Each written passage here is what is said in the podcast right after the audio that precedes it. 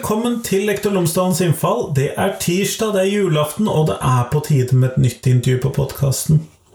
Denne ukens intervju er med Per Solli. Han er tidligere rektor ved Elvebakken skole. Denne skolen har tidligere vært en av Oslos eh, mest problematiske, men har de siste litt over ti årene hatt veldig godt rykte på seg, eh, og hatt veldig høyt inntakssnitt.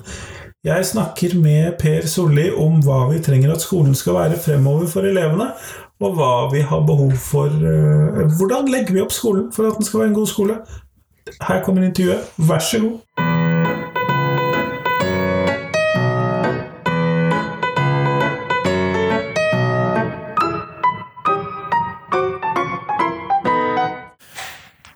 Per Solli, tusen takk for at du har tatt deg tid til meg i dag. Bare hyggelig. Før vi starter selve intervjuet, kunne du ha fortalt lytterne mine tre ting om deg selv, sånn at de kan bli litt bedre kjent med deg? Ja, for det første så er jeg altså Oslo-gutt. I eh, femte generasjon eller noe sånt nå. Det er noe som er veldig, veldig uvanlig. Du er godt og, innfødt, med andre ord? Ja. Jeg, eh, og jeg har holdt meg i Oslo sentrum eh, bestandig. Så som det så når det kom, så er jeg jo nærmeste nabo til katta. Og det er jo hyggelig rent sosialt. Og så er det da eh, en faglig inspirasjon å være da eh, nabo til den er liksom mest profilerte skolen i Norge. Eh, for andre så eh, har jeg eh, en bijobb som jeg har hatt bestandig. Og det er at jeg er med å drive en feriekoloni om ja. sommeren. Og der ute så eh, tar vi imot eh, barn fra Oslo som eh, skal ha litt ferie i den lange skoleferien. Som da er lengre enn foreldrenes ferie. Og som ofte kanskje kan være litt for lang for mange av elevene? Den kan være litt for lang, og, og da, når vi da skjøter på med feriekoloni og foreldrenes ferie, så går det opp. Men det er en sånn sak som jeg har hoppa med i mange, mange år. Og det har faktisk vært en av de tingene som eh, jeg har tatt med meg eh, inn i det profesjonelle livet. En del av verdier, en del holdninger. Og eh, en del oppfatninger av hvordan læringsarbeidet drives. Så jeg har jo pleid å si at Elvebakken er feriekoloni med lekser. Så det er Ja. Og så tror jeg det, at jeg er genuint opptatt av læring og danse. Og eh, jeg er veldig opptatt av at eh, barn og unge skal få en plattform å bygge livet videre på. Det er faktisk eh, Det tror jeg liksom har gått inn i ryggmargen etter alle disse årene. Og det er vel derfor jeg ble sittende så lenge som jeg har gjort det. Ja, og du har jo vært rektor på Elvebakken skole i veldig mange år. Ja, 22 år. ja. Det er lenge. Det er det. Eh, og nå har du gått av med pensjon? Nå har jeg gått av med pensjon, ja. Eh, og da er jo det kanskje naturlige spørsmålet å stille, er jo det den, Hvilken skole tenker du, etter med all din erfaring og med feriekolonien og sånn, hvilken skole tenker du at elevene trenger? Hvilken skole er det vi må nærme oss som skole som helhet, da? Ja, altså det som jeg, jeg, tror, jeg tror, vi som eh, skoleledere, og, eller ansatte i skolen, enten det er skoleledere, lærere eller andre ansatte, så må vi tenke i forhold til hva er dette for noe. Og de tre årene eh, i videregående, det anser jeg for å være de viktigste årene i voksenlivet. De eh, første og de viktigste? De, ja. De bør ikke gå inn på den anale orale fasen. Det, det får småbarnsforeldre ta seg av. Men når det kommer i videregående, så skjer det så mye. Eh, og dette er noe vi må ta, ta vare på. Og eh, jeg er opptatt av at skole skal være, altså videregående skole skal være trepartssamarbeidet. Det skal være skole, det skal være elever og det skal være foresatte. Og disse tre partene er nødt til å jobbe sammen eh, for å få dette til på en god måte. Fordi at det å gå inn i videregående skole, det er, eh, det er en tøff oppgave eh, for elevene. Eh, sikkert derfor veldig mange spør kameraten hvor er du har søkt deg når de søker seg videre. For dette her med å føle seg trygg i, i, i, miljøet, det er forferdelig viktig. Så det vi trenger, det er en skole som kan gi trygghet, som kan gi læring. Og det er de to overordna tingene i, i, dette her. Og så får vi se hvordan vi tilpasser dette. Jeg hører jo at du nevner trygghet først. Uh, i dette, er det, er det, en prioritert rekkefølge, eller var det mer en tilfeldighet? Nei, det er nok en prioritert rekkefølge. For uh, hvis du ikke er trygg, så lærer du ikke. Uh, utrygge mennesker tar ikke til seg læring. Og, derfor så Det er en av de tingene som vi faktisk har prioritert veldig veldig høyt i, på Elvebakken. Fordi at vi er en, en, skole som tar imot fra hele byen dette skoleåret her sånn, så tar vi imot elever fra 80 forskjellige skoler. Og når de da kommer til oss, så eh, kommer det ikke flokk og følge, sånn som de gjør på en del andre skoler. Hvor de har kanskje to eller tre farmerskoler som leverer masse elever til samme videregående skole. Da møter du igjen folk du har hatt før, du møter igjen eh, folk du kjenner, og, og, som du har en eller annen form for nærhet til, og det gir deg for så vidt en trygghet. Hos oss så kommer de da relativt få, jeg kjenner ikke mange som de kommer sammen med. Så derfor er det en oppgave for oss å skape en trygghet for elevene elevene fra dag én. Og Derfor så har vi også et, et opplegg som eh, Altså et mottaksopplegg for elever. Som eh, vi kjører ganske strikt. Eh, kan bare nevne som eksempel første dagen. Du skal ha sagt noe. Du skal ha ledd. Du skal kunne fem navn. Og, og så har vi ikke pauser den første dagen. Fordi at det er så kleint for elever å stå aleine. Sånn at alle disse tingene det jobber vi framover mot. Og førsteklassingene tar vi med en eh, tur, en 24-timers tur ut i eh, Oslofjorden. Eh, det er et leirsted der ute hvor vi er, og der har vi Rådgivere, skoleledere, kontaktlærere er med ut der, og så kommer elevene ut og er der ute 24 timer. Men skoleleder og rådgiver er der også? Ja, ja. Og eh, det er sånn for å bli kjent. Og i løpet av disse 24 timene så blir elevene kjent med hverandre, de blir kjent med lærerne sine, de blir kjent med det øvrige apparatet. Og det skaper da en, altså en trygghet, også som fører de inn i det jeg kaller en Elvebakken-kultur. Og så hører jeg si Elvebakken, ikke Elvebakken. Når jeg er oppvokst midt i Oslo, så sier du Elvebakken. Yes. Ja, Nei da, men i hvert fall dette gir, dette gir et, et, en, hva skal vi si, en, en kickstart på skoleåret. Hvor det gir, inngir trygghet eh, til elevene. Og det er, det er viktig også å begynne med læringsarbeidet derfra ut. Mm. Det er ikke tilfeldigvis det samme leirstedet som du har feriekoloni? Nei, det er på den andre siden av fjorden, faktisk. For det hørte jeg sånn hm, Har man benyttet muligheten her? ja da, det, men jeg, jeg, har vært veldig forsiktig med å blande sånne private ting og, og, og skole. Så, men det er, vi, det er, på den andre siden av fjorden, og uh, dette er en, en sånn sak som vi har hatt i mange, mange år. Og fremdeles så møter jeg altså elever som gikk ut for ti år siden, som snakker da om Lunde, som dette leirstedet heter, og, og, og, hva de opplevde der. Så det er spennende. Men når vi da eh, har et bilde av en skoleleder eller en rektor i når jeg gikk på barneskolen, så var det veldig ofte en person innelukket på et kontor. Eh, bak en stor, tung dør. Når jeg gikk på videregående, så var det jo selvfølgelig en rektor som satt på Terboffens gamle kontor og det var jo litt mektig å komme inn til, og det var, litt sånn, det var ikke et sted du gikk med lett hjerte, vanligvis. Eh, men når, da, når, du da har vært rektor i så mange år, hvordan ser du på dette med tilgjengelighet for rektor i forhold til elevene? Eller med tanke på elevene? Ja, dette med rektorskontor det er blitt et begrep. Og det er, det er ikke positivt ladet. Men eh, Eh, når jeg begynte på Elvebakken, så var det fordi at eh, eh Blant annet fordi at ble sagt vi skulle bygge en ny skole. Det var for så vidt ikke sant. Det var lagt opp til å være, bli rehabilitering av den gamle skolen. Men så fikk vi snudd litt på dette, her, og den ene delen ble da nybygd. Og inni dette her eh, så skulle du ha rektors kontor. Og det som, da fikk jeg lov til å være med og utforme dette. Og det var en veldig, veldig spennende prosess.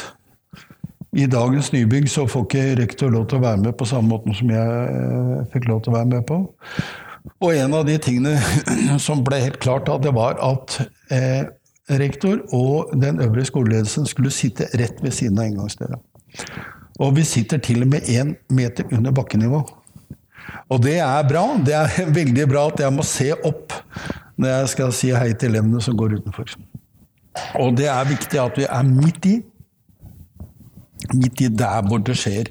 Og det ble jo ganske mye diskusjoner rundt at jeg ønsket at vi alle sammen skulle sitte i åpent landskap i ledelsen. Eh, og da satt jeg sammen med eh, den øvre ledergruppa. Vi hadde noen sånne samtalerom og møterom utenfor, men vi satt altså sammen. Men du satt også i det samme åpne ja. landskapet? Eh, etter noen år så ble jeg kasta ut, fordi at da økte Vi ble flere i ledergruppa, da var det ikke plass til meg. Og da kom jeg inn på et eget avlukke uten dør. Og det var det som på en måte blir rektors kontor. Og eh, det som er viktig, er at det er du signaliserer og du praktiserer at det å komme inn i ledergruppa, det å komme til rektor, det, det, det skal være helt uproblematisk. Det skal være en relativt hyggelig sak, og du skal ikke bare komme inn dit fordi at det, det er, eh, at det er noe uh, leit og vanskelig som har skjedd. Der skal du også komme inn for å kunne si at uh, du vet hva vi driver med nå, vet hva vi gjør. Og i og med at vi har en medie- og kommunikasjonslinje, så kan du jo gjette hvem som alltid ble intervjua i sånne elevarbeider. Så, ja, jeg kan regne med at du var der ofte? Veldig ofte. Så måtte jeg da gå inn og være med på sånne ting, og det syns jeg er moro. Jeg syns at uh, det å delta i elevenes arbeid, det er spennende. Så vi har nok eh, kutta avstanden mellom eh, rektor, skråstrek skoleledere og elevene. Og Det er en av de tingene som er fantastisk med dette, at de sitter i åpent landskap. Elevene kommer inn, og de får alltid hjelp. De kommer ikke og banker på en dør hvor noen roper 'kom inn' osv. Det, det er kanskje en, en del av suksesskriteriene i forhold til Ølbakken. Det gir kanskje veldig stor trygghet også for elevene? Ja. Det, og det at de skal vite hvem du er. Selvfølgelig skal du vite hvem du er. Det er det vi har et, noe som vi kalte HEI-prosjektet. Ja, hva er det? Jo, det var altså når vi tok imot elevene, og det, det, det, var veldig, veldig spennende. Det var mange elever som kom, så vi hadde eh, Vi tok dem imot i skolens auditorium. Og med stor festivitas og revyband og hele greia. Og så kom jeg inn og Ja, det var elevene som styrte dette. Jeg kom ned og snakket i et par minutter, og det hovedbudskapet var at når jeg treffer deg i gangen, så vet jeg at du er en elev. Selv om jeg ikke kjenner deg personlig, så vet jeg at du er en elev. Du vet at jeg er rektor. Når vi går forbi hverandre, så sier vi hei. Eller nikker, eller smiler, eller et eller annet sånt. Og det betyr at øh, vi erkjenner hverandre. Vi erkjenner at vi er en del av et fellesskap. Og det viser vi til. Og eh, så at jeg gikk og sa hei 300 ganger om dagen, det, det er faktisk veldig hyggelig. Og eh, da skaper du altså et forhold mellom eh, elev, altså de, de, voksne og elevene som er ja, som er grunnlaget for det som hele kulturen og hele atmosfæren. Mm. Men skolen består jo av mer enn bare trygghet, og det, er jo, eh, det, det faglige er jo en viktig del av eh, skolen. og Hvordan tenker du at vi skal kunne klare å legge oss Hvilket faglig nivå trenger elevene at skolen ligger på? Er det det riktige spørsmålet å stille, kanskje? Eller er det på siden av hva som er viktig? Nei, altså i en eller annen gammel stortingsmelding som het nummer 16, så, eh, så hadde de prøvd å se hva som er, liksom, hva er kriteriene i en god skole. Og eh, det eneste de kom fram til som fellesnevnere, var at du hadde ambisjoner på vegne av elevene. Og du skal ha ambisjoner på vegne av elevene, men du skal ikke ha en, en, ambisjon som går utenpå elevene, at du setter opp en standard, et mål. Men eh, det, det som du skal jobbe med, det er at elevene skal nå sitt fulle potensial. Og det er faktisk samfunnsoppdraget vårt. Så En skole har samfunnsoppdrag som sier at elevene skal nå sitt fulle potensial, uavhengig av kjønn, etnisitet og foreldrenes stilling og stand. Det, det, er det som er, og det skal det ha med. Altså. Jeg har I mange år så har jeg hatt eh, et opplegg hvor, eh, hvor jeg har fått møte studenter som er eh, langt kommet i det som heter lektorprogrammet. Og øh, noen av de er faktisk allerede i jobb, og, og da liksom, skal jeg snakke til de om hvordan jeg opplever skoleverdenen, og hva jeg venter av lærere. Og da er dette med samfunnsoppdraget at hvis du ikke anerkjenner det, og hvis du ikke innretter jobben din etter det, så bør du finne på noe annet. Veldig fort. Det, det, er en forutsetning. Og, og, derfor, når jeg snakker om det faglige, så er det for å møte de behovene elevene har, og for å kunne trekke ut av dem det beste de har å legge forholdene til rette for det. Det høres Egentlig så er det floskelprat, for det som er viktig her, er at hvordan omsetter du dette her i praktisk politikk. Og der er det også noe med, med måten vi jobber på rent eh, læringsmessig. Hvordan tenker du at vi lykkes med det å omsette dette i praksis? Fordi det, som du sier, det er jo det store nøkkelen, spørsmålet, svaret på spørsmålet.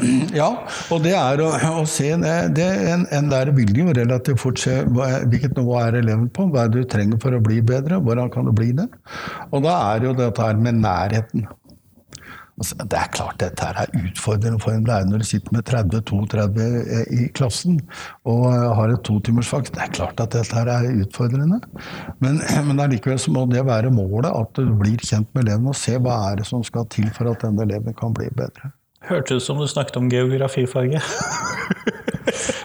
ja, altså det er, det er relativt håpløst med de totimersfagene. Altså, det er det med 30 elever i klassen, og det er, eh, det er en stor utfordring. Men tenker du at vi for fremtiden skal kutte ned på antall fag, eller hvordan tenker du at eh, vi skal For, for å øke eh, det faglige, øke muligheten til å nå ambisjonene? Jeg tror, jeg tror, det er en måte å gå på. Jeg, jeg, jeg syns at det som man nå jobber med, med, med større grad av fordyping i faget, tar heller og smaler fagfloraen og, og fordyper. Det, jeg tror det er den riktige veien å gå. Og en del av det med totimersfagene, det, det har vært en måte å organisere det på, er f.eks. å kjøre fire timer det ene halvåret. Og, og gjøre det på den måten. Og det er, så det er klart at det går an å gjøre noe med disse fagene også. Ja, eh, jeg har kjørt sånn seks timer og sånn i et halvt år bare. Det, det, er mange måter å få, få løst dette her på, på en god måte. Det er det. Men tenker du at det er noen av uh, skolefagene som uh, fordi at sånn som, Eller jeg skal starte på en annen måte, spørsmålet mitt. fordi at sånn som jeg oppfatter særlig ungdomsskolen, men også til del studiespesialiserende, er at det er litt sånn litt låst inn i en sånn vei fremover. Hele tiden, og så skal alle sammen bli veldig gode på alt. Og jeg må innrømme at jeg er litt sånn av og til litt sånn, har litt ærefrykt for elevene, fordi at de skal jo være pokkers flinke i veldig mye. Eh, som jeg syns eh, Når jeg ser på det nå, høres litt umulig ut. Jeg tror jeg syns det var mindre umulig når jeg selv gikk på skolen. Ja. Men uh, nå syns jeg det høres umulig ut å skulle bli så god i så mange forskjellige ting. Mm. Hva tenker du om det? Da er det jo sånn at Fag henger jo sammen innbyrdes. Det gjør det. Og uh, det er jo det er jo derfor det er så viktig med dette fagsamarbeidet i skolen også. Det at lærerne skal få tid til å jobbe sammen. Sånn at ikke, at ikke de kjøres sånn temaer eh, parallelt, men at de kan jobbe sammen eh, rundt dette. Så, eh, men, men som jeg sa, så tror jeg det at det, det opplegget vi er inne på nå i fagfornyelsen, med dette her med å jobbe dypere i fag og ha færre fag, det tror jeg er en god måte å jobbe på. Så skulle gjerne vært med på å innføre den skolen. Ja, nå sitter du mer som sånn syvende far i huset og titter. Nei, jeg, eh, jeg eh, holder meg langt unna. Syvende far, det er, ikke, det er ikke bra med syvende fedre. Det er eh, det må, det må de neste jobbe med. Ja. Men du da, når du gikk inn på Elvebakken, så var du jo da i den heldige situasjonen, eller i hvert fall skapte den heldige situasjonen, at det skulle bygges ny skole. Eh, at det skulle settes opp et nytt bygg. Ja. Eh, og så de fleste rektorer og skoleledere og avdelingsledere har jo ikke nødvendigvis den fordelen. Men hvordan tenker du at man skal kunne skape den nærheten og den tilliten som du da fikk mulighet til ved å sette deg selv én meter under bakken ved siden av inngangsdøren Jo, i eksisterende bygg? Nå må du huske på én ting. at eh, Når jeg sa at dette hørtes spennende ut, vi skal bygge skole. Det var i 97. Jeg begynte da faktisk 1. april, og ble jo selvfølgelig da godkjent som aprilspøk.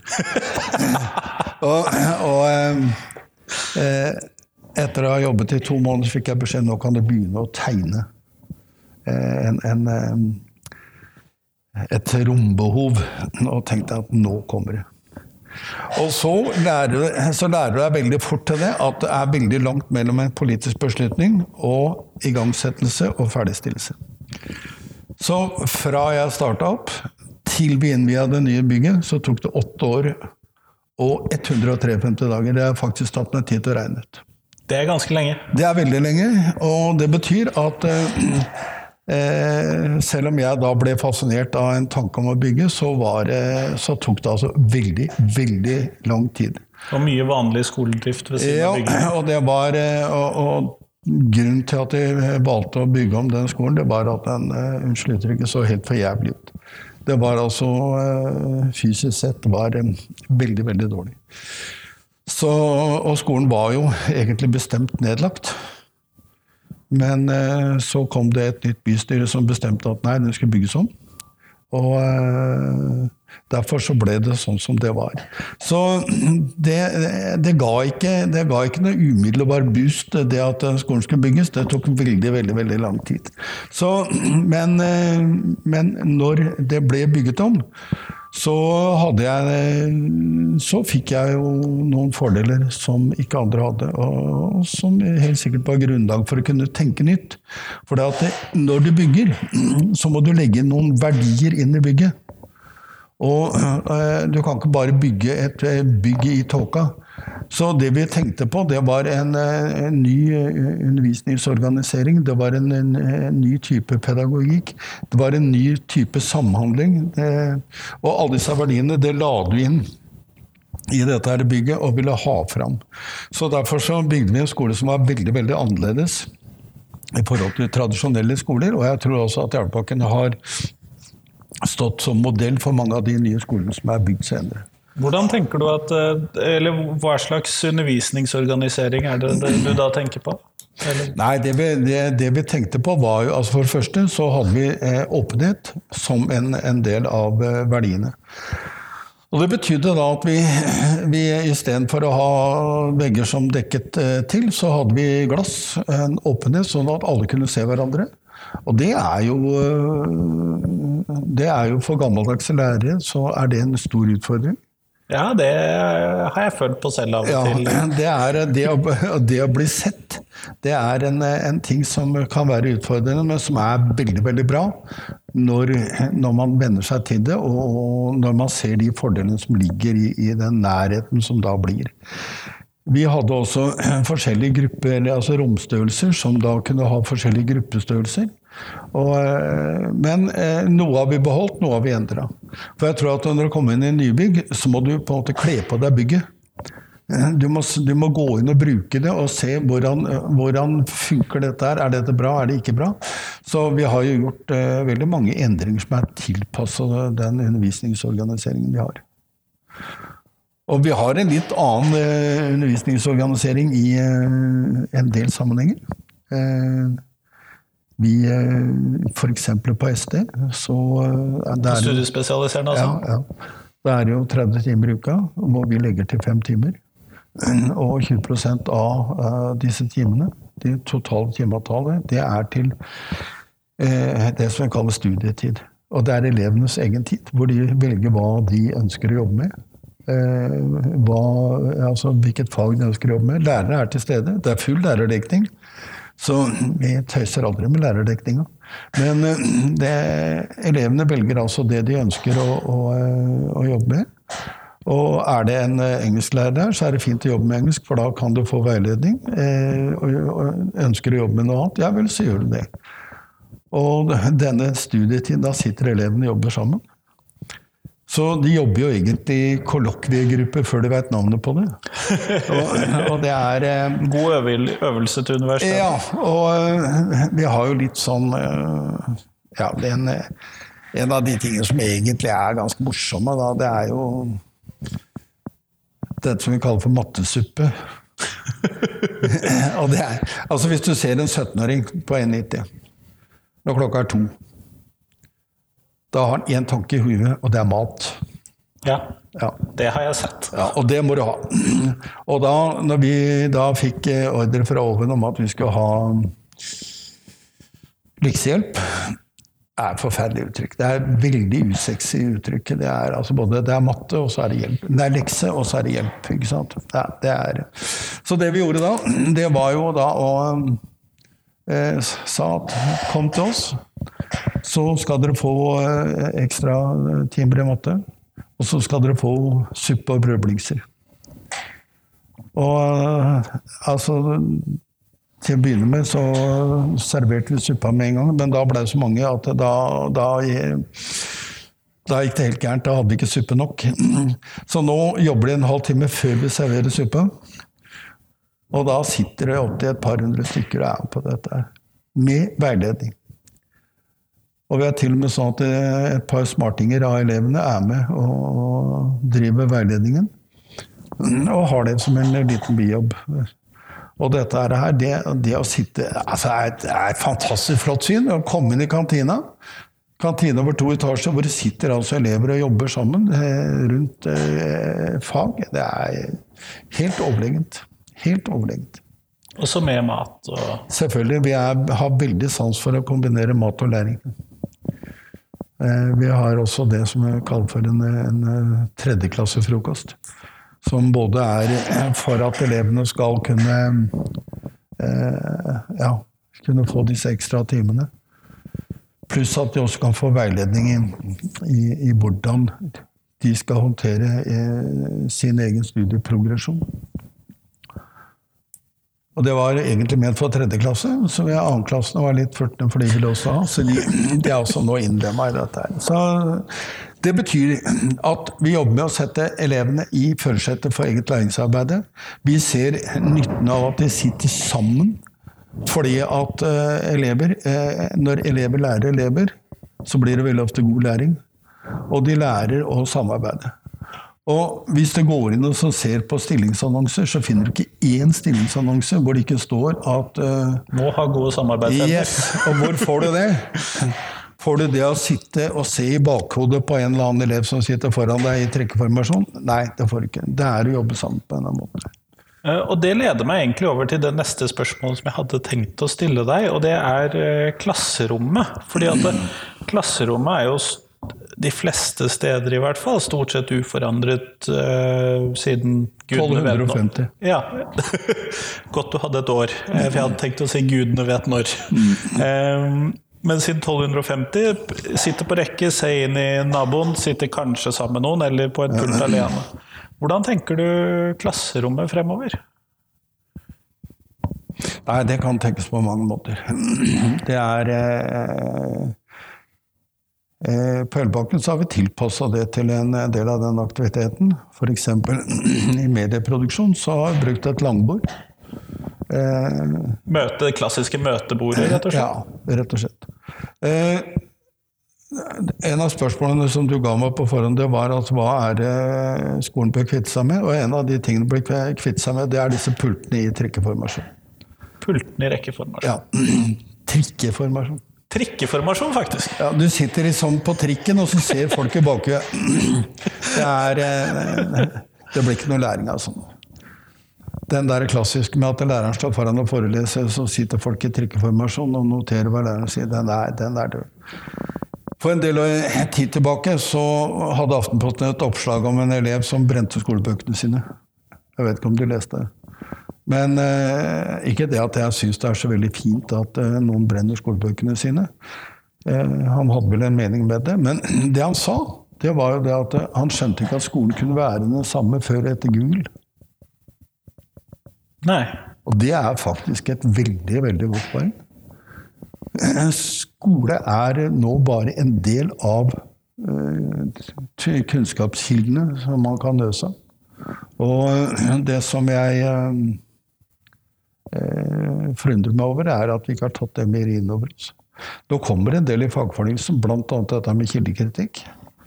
At eh, du skal kunne lære deg til å, å, å stille spørsmål med de, eh, det du leser om, som liksom skal være klar og tydelig kunnskap. Men eh, dette er at eh, den, eh, det, eh, det at skolen ikke lenger er den eneste kunnskapskilden, det, det bør ha større innflytelse og betydning i, eh, i læringsarbeidet.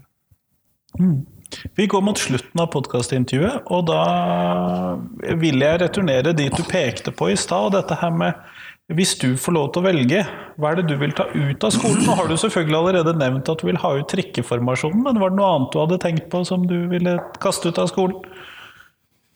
Ja eh, i, I tråd med det å kaste ut disse pultene i tryggeformasjon eh, De lange forelesningene. Ja, Så mer oppstykket ja. eller mer eh, Ja, og- selvstendig arbeid? Ja. Og eh, det å jobbe på en annen måte sånn, det, det ligger jo i det hva jeg vil kaste ut. Og så ønsker jeg meg en ny teknologi for istedenfor opprop. Det ønsker jeg meg også. Vet du hva? Det er helt håpløst at der kommer du kvart over åtte om morgenen, og så blir du ropt opp, og så har du to timer, og så har du en annen lærer eh, to timer etterpå, og det er 'forsyn meg nytt opprop'. Det er bortkasta tid. Og så er det én ting til som jeg vil kaste ut. Og det er dagens utforming av 10 %-reglene. Ja. Fraværsgrensen. Ja. Nettopp, nettopp. Det er eh, Det har jeg vært tydelig på. Jeg har vært rådgiver i mange, mange år. Og eh, det som politikerne har gjort, er at de har tatt fra oss det viktigste sosialpedagogiske virkemidlet som er i en skole. Og denne 10 %-regelen, det, det betyr jo at disse totimersfagene som vi snakket om, det er jo de som blir bestemmende for veldig mange ting. Og det å ikke få vurdering i et fag er ganske svære konsekvenser. Dette er at de kan slå seg på brystet og si at nå er det mindre fravær osv. Det kunne vi fått til på en annen måte. Går det veldig langt tilbake, så hadde jeg noe som het Møglestummodellen. Og da var det en, hel, det var en annen måte å se det på. Det var andre prosentregler som var. Og den hadde den samme funksjon, men hadde ikke de dramatiske konsekvensene av de 10% Så eh, der hadde jeg faktisk lyst til å være med elevene ned og protestere foran rådhuset. Jeg protesterte. Torgallmenningen. Det var bra. Da er vi enige. Kjempeflott. Tusen takk for at jeg fikk snakke med deg i dag. Bare hyggelig.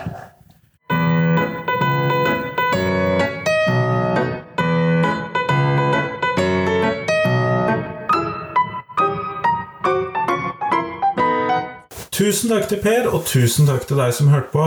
Selv om det var julaften når denne episoden ble sluppet, så håper jeg at du fikk hørt på den på dagen. Og at du eventuelt fikk hørt på den når det passet. Julen skal jo være så lite stressende som mulig. Nå er det én uke igjen til neste podkastintervju, og da håper jeg at du kan bruke muligheten til å dele podkasten min med noen. En liten julegave forsinket.